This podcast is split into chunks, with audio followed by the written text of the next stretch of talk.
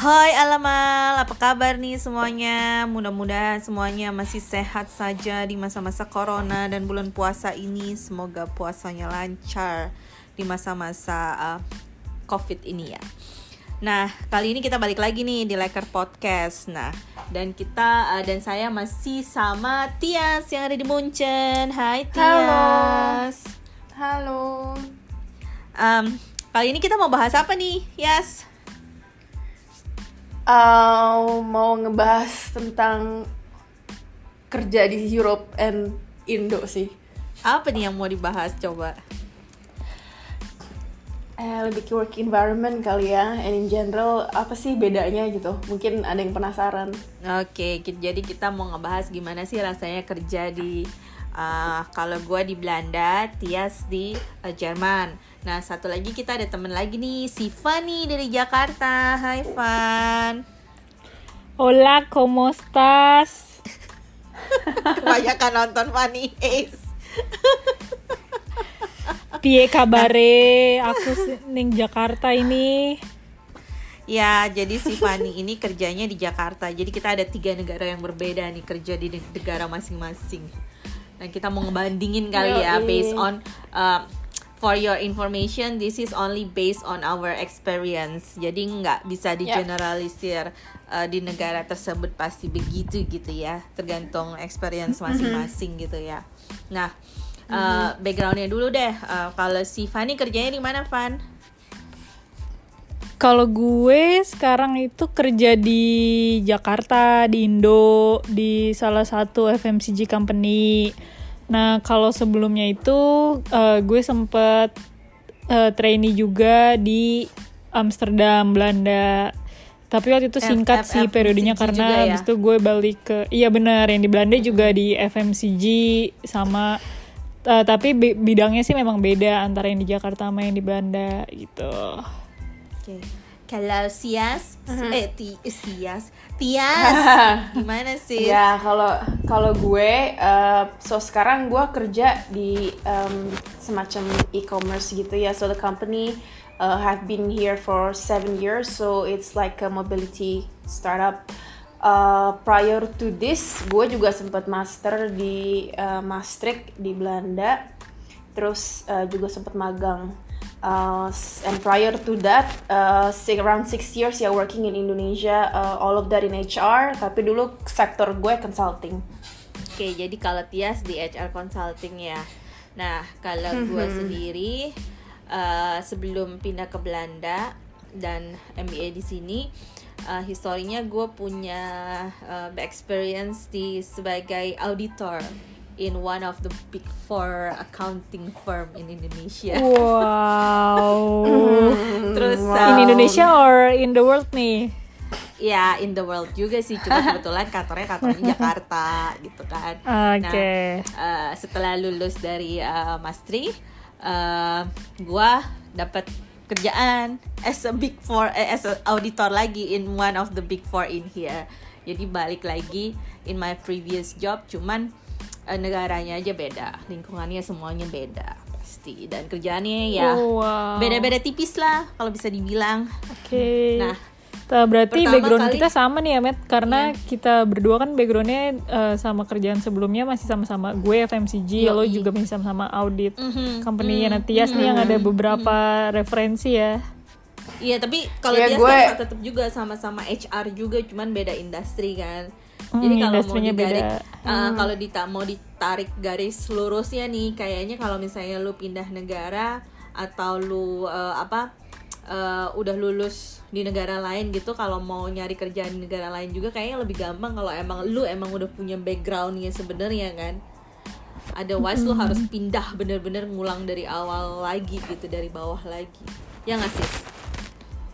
Ya basically uh, sebenarnya sih most of the people dia uh, kalau nyari work experience di luar sih lebih ngelihat oke either the- they want to change industry or they want to change function and of course change region gitu loh. Emang uh, my plan was never to change um, my my function gitu Yeah. karena it's it's much harder to start bener-bener from zero dari something that you've never experienced before daripada changing sector itu pengalaman gue ya selama kemarin juga uh, apply apply for jobs Iya kan sih. sebelum kerja di sini. Nah sekarang kalau misalnya uh, ngomongin uh, pengalaman kerja lu lah di di di Jerman, uh, Yas gimana menurut lo Yas? Apa yang lo rasakan dibandingin pengalaman lo yang sebelumnya di Indo yang lah? bikin beda mungkin yang lo rasain ya Heeh. um, this part of industrinya beda banget ya gue ngerasa kayak um, it's a lot more freedom sih ya kayak uh, gimana sih kayak bos gue tuh bener-bener ngasih uh, full responsibility um, ke gue to manage my time manage my um, apa namanya uh, manage my work how to deal with problems gitu. Sedangkan back home gue ngerasa even in one on one meeting sama bos gue every week tuh yang kayak my boss wanted to go uh, to discuss each projects and just want to know uh, every update gitu sedangkan in here kayak my one on one with my boss is more like okay so do you have any issues do you have concern so jadi the rest of my other project she's like okay I know that you can handle it on your own so uh, level of trustnya tinggi Iya, banget iya. sih Gue juga ngerasa sih kayak I gitu feel. sih sebenarnya.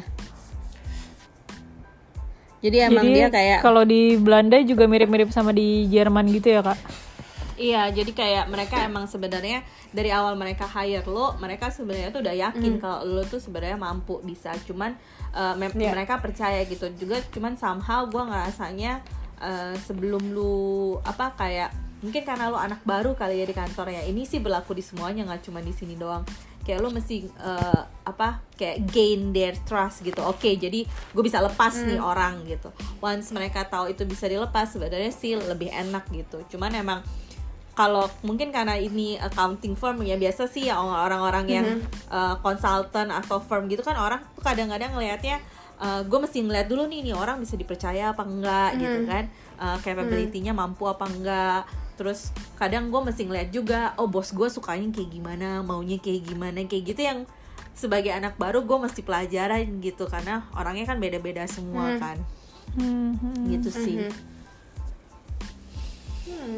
Kalau gue sih lebih ngerasa dari awal udah dilepas sih, Matt di sini sejujurnya kayak like oke gue Rista oke gue handle departemen ini, ya udah gue member kayak datang ke sana sendiri, say hello, and Kalau mungkin bener-bener lebih aktif dilepasnya. sendiri ya. Iya.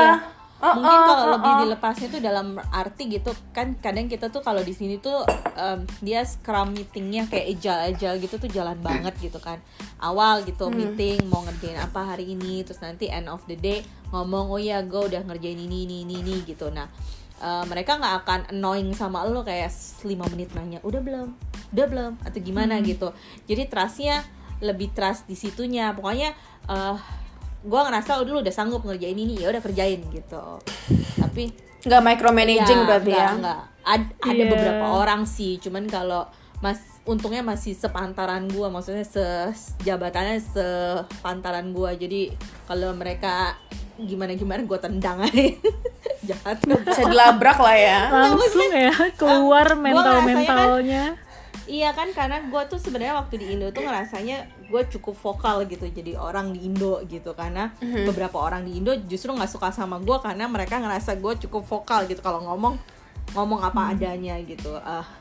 kalau di sana justru lah, mereka malah appreciate ya lo bisa kayak gitu Nah, kalau di sini tuh orangnya semuanya itu direct. Justru gue aja sendiri kayak kaget sendiri kan. Oh, Malah gila, jadi lo yang ngerasa lo kurang direct.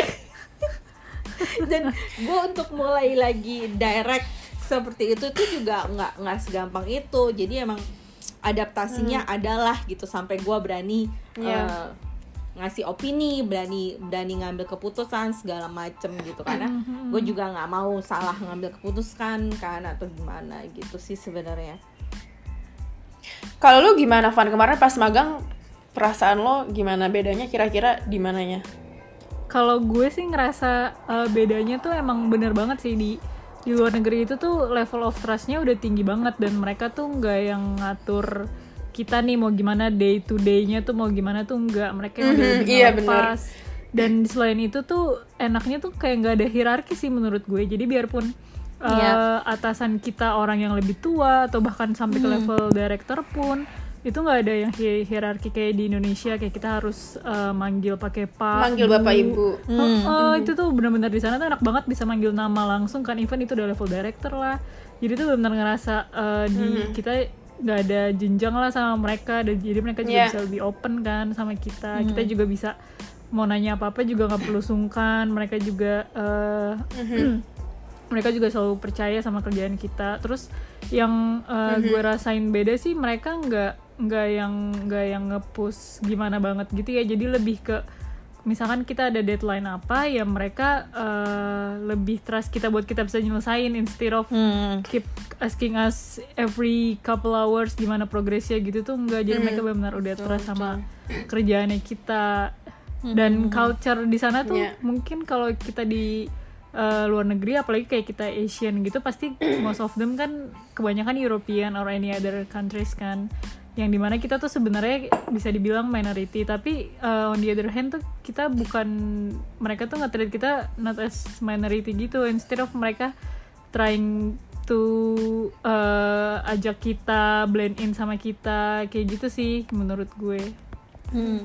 Ya mungkin emang emang em, eh, dunia barat terkenal lebih low hierarki lah ya. Jadi Iya, jadi betul. mereka juga nggak nggak nggak nggak ngerasa eh, ada jabatan sana sini lah gitu.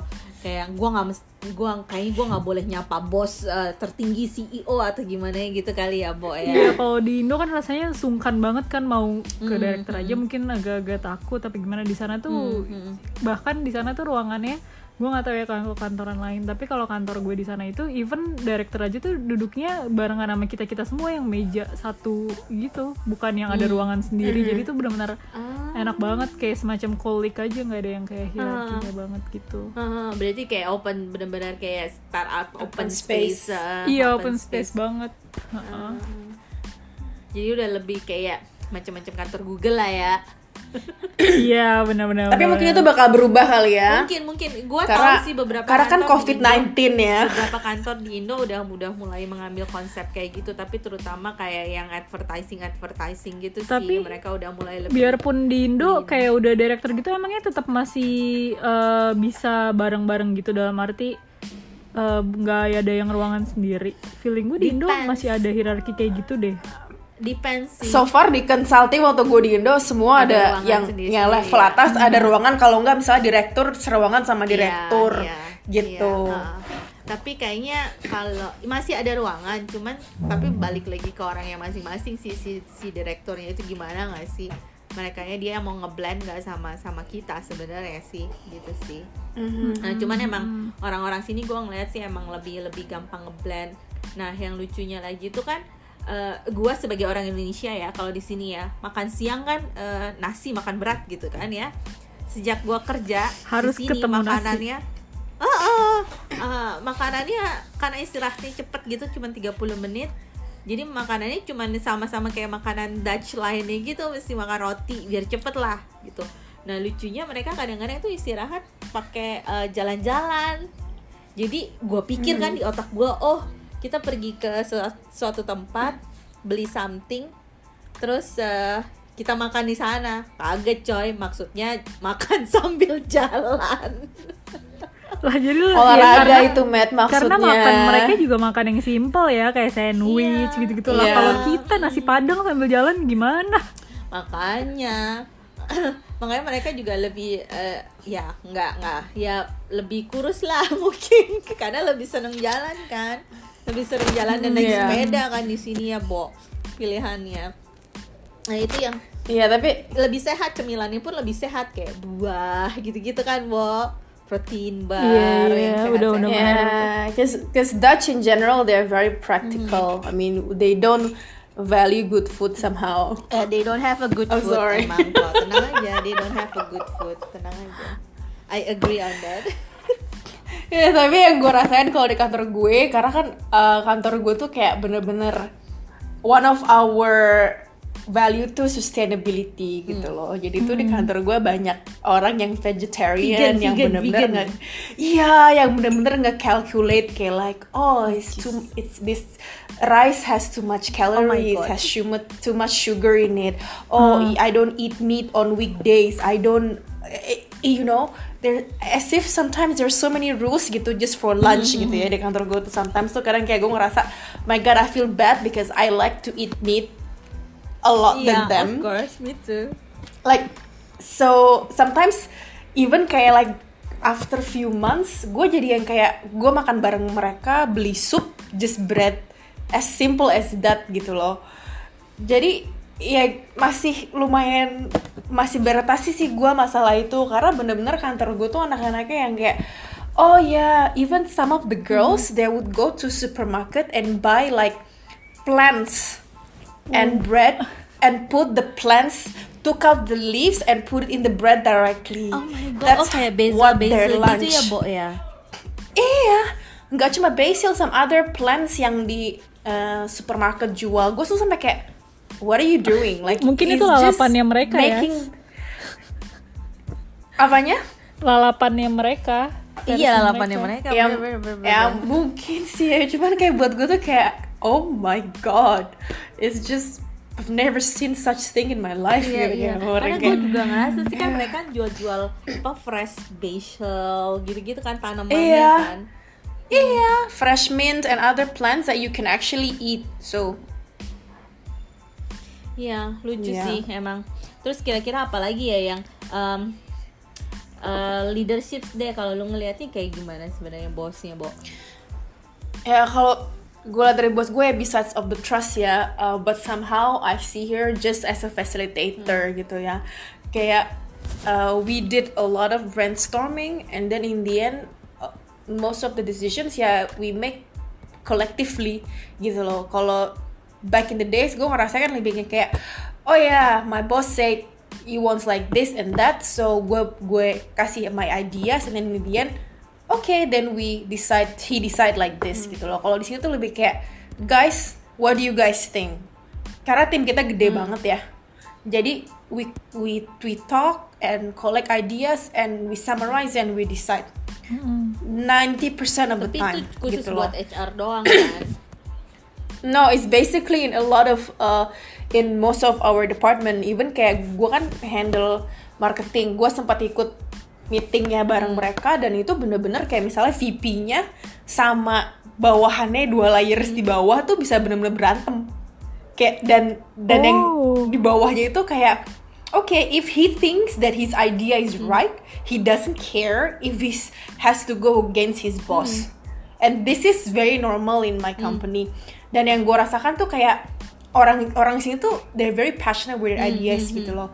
So they don't care who they talk Yeah. to. Of if they think they have ideas, they will say stuff. Itu yang menurut gue kayak oke lah mungkin back home gue juga termasuk orang yang oke gue ngomong gue utarakan apa yang gue mau ngomongin tapi ini level udah beda sih Cuman kan Apalagi gua tim- tim gue internasional Ah, banget. Gue ngerasanya Iya. kayak misalnya CVP gitu kan. Lu mau kata gimana sebenarnya CVP punya lebih jauh lebih banyak experience gitu menurut gua. Jadi uh, menurut gue somehow kadang omongannya dia juga harus didengerin gitu karena kan kita tuh kayak kalau ngasih pendapat kita ngelihatnya dari sisi kanan mungkin oh tapi orang lain kan bisa ngelihatnya dari sisi kiri dari sisi atas dari sisi bawah gitu kan Ya, by the end of the day we find a solution yang memang Win-win uh, solution lah. We negotiate Ah. lah, yang win-win solution. But is tapi kalau gue di Indo, gue ngerasanya kayak Di Indo ya sih udah bos lo dari ngomong apa atas ke pasti. bawah.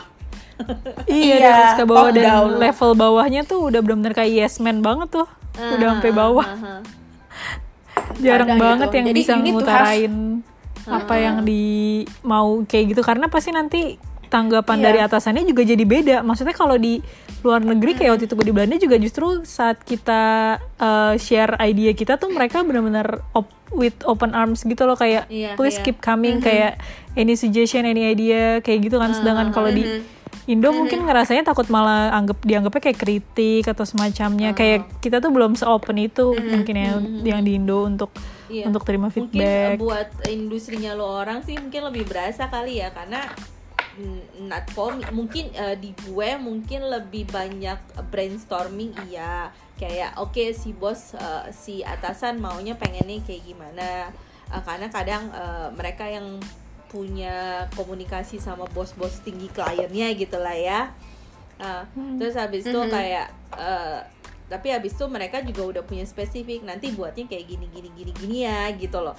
Jadi bukan hmm. uh, mungkin karena benar-benar auditing gitu jadi emang ada pakemnya gitu yeah, lah ya. ada strict uh, uh, policies-nya kan. oh, jadi bisa lebih bisa lebih terstruktur ya. Kalau kayak iya, industri yang lain kan kayak masih agile banget tuh ada perubahan-perubahan. gitu kan lo mau gimana. Kalau gua kan masih harus ngikutin pakem-pakem ada gitu stick kan. tuh uh, uh, ada bible yang harus benar-benar diikutin lah standarnya yang harus diikutin gitu. Selama gua nggak melenceng dari situ sih mereka sih so fun sih sebenarnya mau ngikutin kayak gimana. Hmm, tapi kadang gue capek sih karena gue ngerasa kayak like tiap meeting there's always people that talks gitu. Dan kadang gue ngerasa kayak oh my god there's can someone just make a decision? like sometimes yeah and the thing is like over small small topic we we always talk about mm-hmm. it and somehow in my head it's like oh my god guys just get over it and decide. Yeah. No? Kadang kayak gitu sih. Karena aku ngerasa orang di sini tuh kayak seneng banget mengelaborate saking so iya saking seneng ngomong juga kali ya. Iya. Uh-huh. Iya. Which is good sih, eh, eh gak tahu sih, cuma mungkin kalau di culture good gue yang, bad lah. ya kalau lo kalau lo mungkin karena udah di sana jadi ngerasanya kayak it's too much gitu ya. Cuma kalau menurut gue kalau di culture gue yang kebiasaan dengan culture Indo yang masih justru less interaktif tuh justru pengen banget ada di posisi yang kayak gitu yang semua orang tuh bisa ngomong bisa ngutarain hmm. benar-benar hmm. yang hmm. everyone has their part gitu in a decision hmm bener yang kayak gitu iya sih iya sih yap plus minus sih sebenarnya gitu loh Iya, hmm. cuma kadang gue ngerasa aja kayak like it's just too many people talks also because my team is very big kan. hmm. kan. Sekarang tuh we have like around 15 people in the hmm. team dan I was so used to have small yeah, team plus minus so, lah ya bu hmm, bener. it's so difficult if everyone talks gue rasanya pengen pasti lo rasanya pengen udah di diam aja semuanya sini ulang lagi eh, enggak gue berasa pengen dengerin dengerin musik loh lo biar nggak perlu denger mereka ngomong ya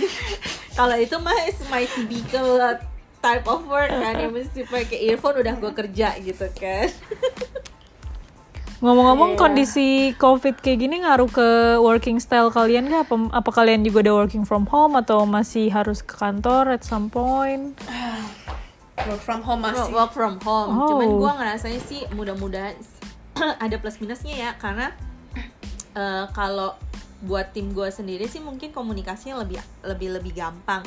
Cuman ketika mesti hmm. ada saat yang mesti uh, kita interaksi sama klien itu yang takes time-nya tuh jauh lebih banyak gitu pakai mm-hmm. work from home ini gitu karena kita mesti video call, mesti nanya segala macam gitu kalau uh, kliennya itu melek teknologi lebih gampang sih. Cuman kalau yang agak tua gitu yang nggak agak susah gitu. Nah itu yang yang yang lebih susah sebenarnya itu agak greget kita, ya.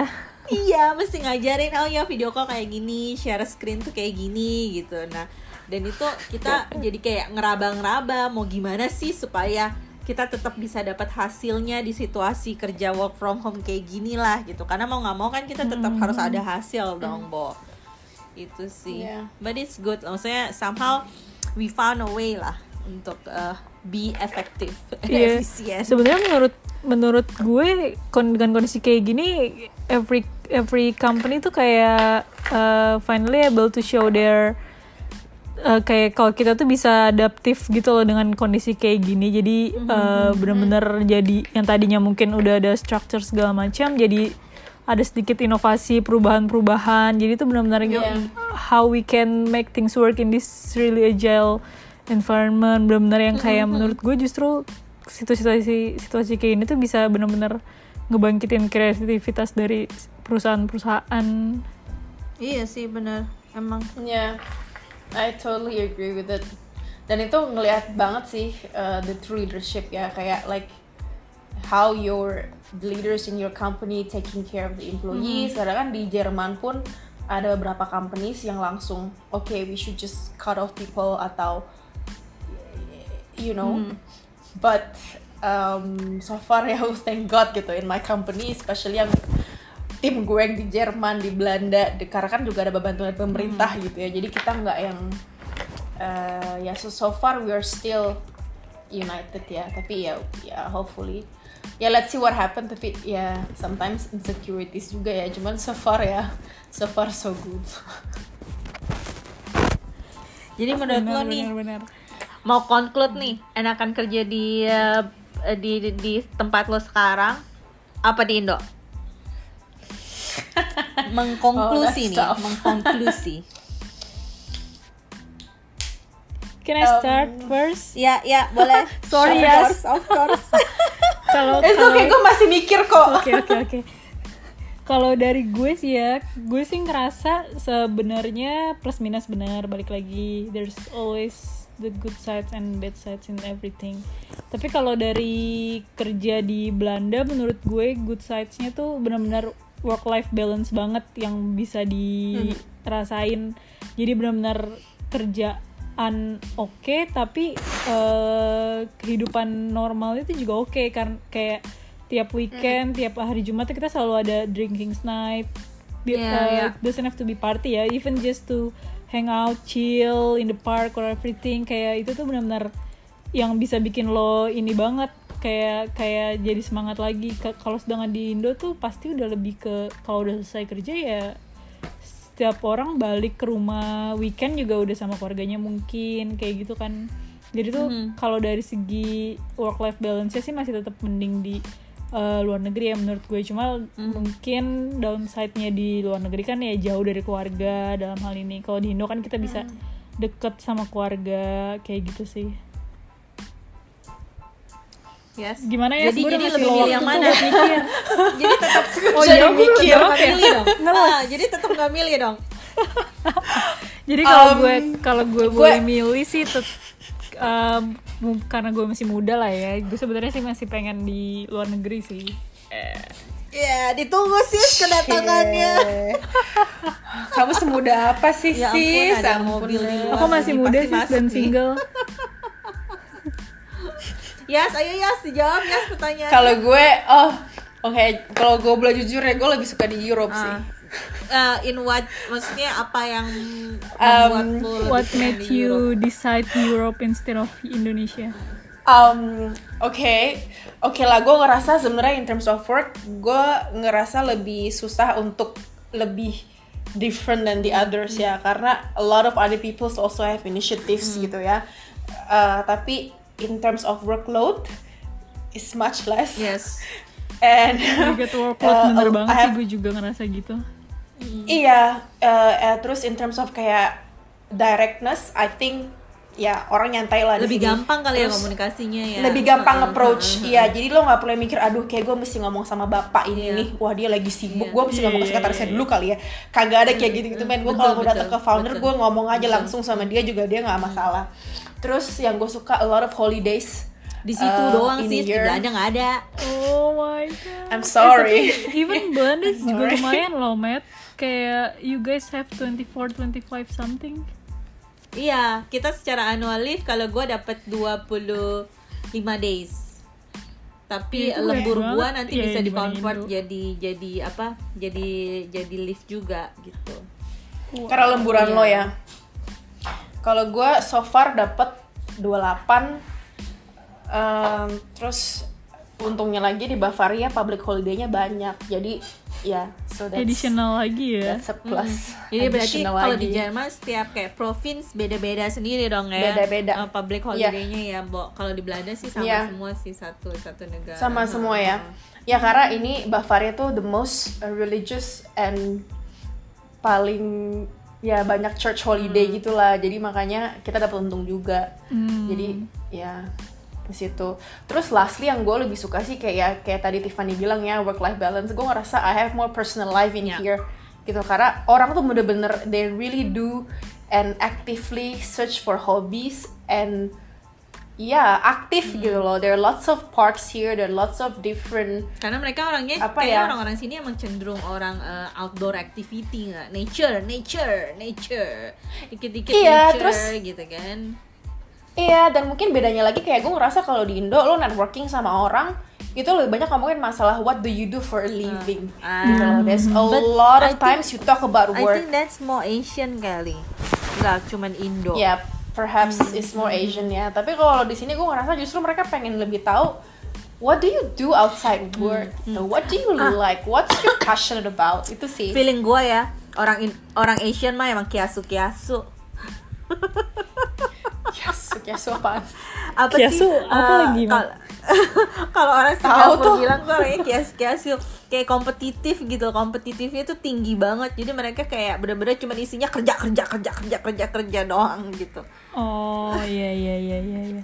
I think it's just like Asian style aja gak sih? Mungkin di Asian kayak lebih kayak gitu sih memang dibanding Iya. Europe or maybe other countries. Iya sih betul nah kalau gua Lo gimana, Matt? kalau gua lu gimana sih nih Matt? gue eh, sebenarnya eh, eh, benar kata Fani misalnya plus minus gitu kalau di Indo tuh kayaknya hidup lo enaknya karena mungkin udah nyaman kan apa apa ya eh, mau gimana juga itu negara lo sendiri lah intinya gitu kan mau banyak bantuan ada mbak sopir ada segala macam gampang gitu kan lo tahu. Nah kalau di sini kan lo apa apa serba serba sendiri gitu. Iya sih. tapi in term of kerjaan gue lebih ngerasanya yang gue cari sekarang adalah emang work life balance sih. Jadi emang gue gue Yeah. sendiri lebih memilih itu untuk saat ini. Ya walaupun juga gajinya emang euro kan eh? Wah itu paling enak sih sebenarnya. yo gitu. Gajinya euro lembu, eh, liburnya banyak lebih work life balance Ya. gitu kan jadi lo bisa Ya. fokus sama hidup lo sendiri gitu kan mau ngapain Ya. dan mereka benar-benar mati-matian Ya. udah jangan kerja lebih jangan kerja lebih jangan kerja lebih kalau di Indo Ya. mana peduli pokoknya Ya. lo harus selesai selesai selesai selesai selesai taunya gitu Iya doang benar kan benar Ya. benar benar. I agree. Tahunya lu udah kelar belum Iya. gitu? Enggak. Iya. gitu sih jadi so far gue masih merasa challenge-nya itu ada di sini jadi maybe I will stay in here first lah paling enggak Oke lah, let's see in the next two three years Yo, lah. em, menarik juga ya Let's set up sebenarnya another bahas-bahasan podcast. kayak Maybe gue lagi di mana, maybe Iya lagi di mana, sebenarnya juga next, sudah pindah next ke mana. time kita bisa bahas nih sebenarnya buat buat pendengar-pendengar kita yang sebenarnya gimana sih tips and trick Mu- mudah-mudahan ya mungkin satu dua episode ke depan lah tips and trick gimana mau nyari kerjaan di sini begitu pas ada ibu HR consultant kan lumayan kan? Bisa kita Recruitment jadiin pas lagi berikutnya. kan? Jadi kita bisa berbagi tips and tricks lah gimana cara mungkin CV or interview nih buat para para mahasiswa di Belanda sini atau di Indo atau gimana lah ya. Di mana pun Iya anda guys, berada. gue juga ya sempet pas job search, it was my full time job. yes. Yes and garis besar pokoknya em, ini eh, susah lah nggak gampang lah nyari kerja di sini lah ya Bo Eh, gitulah ceritanya Iya pasti. nah kali ini em, sampai di sini dulu nih podcast kita kali ini Iya deh. Mudah-mudahan uh, bermanfaat banget hari kali ini episodenya. Kita jumpa lagi minggu depan. Yeay. Dan minggu-minggu berikutnya. Bye. Stay Dudu. safe, Thank you. guys. Talk soon. Talk soon. Bye bye from Indo.